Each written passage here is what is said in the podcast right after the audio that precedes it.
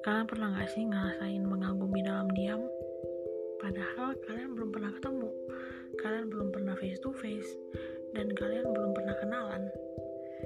Tapi itu yang aku rasain ketika aku melihat dia di media sosial. Hai, aku Ju. Di sini aku mau cerita, mau sharing gimana bisa aku menyukai seseorang yang bahkan belum aku pernah lihat. Teman-teman dekat aku tahu kok dia siapa.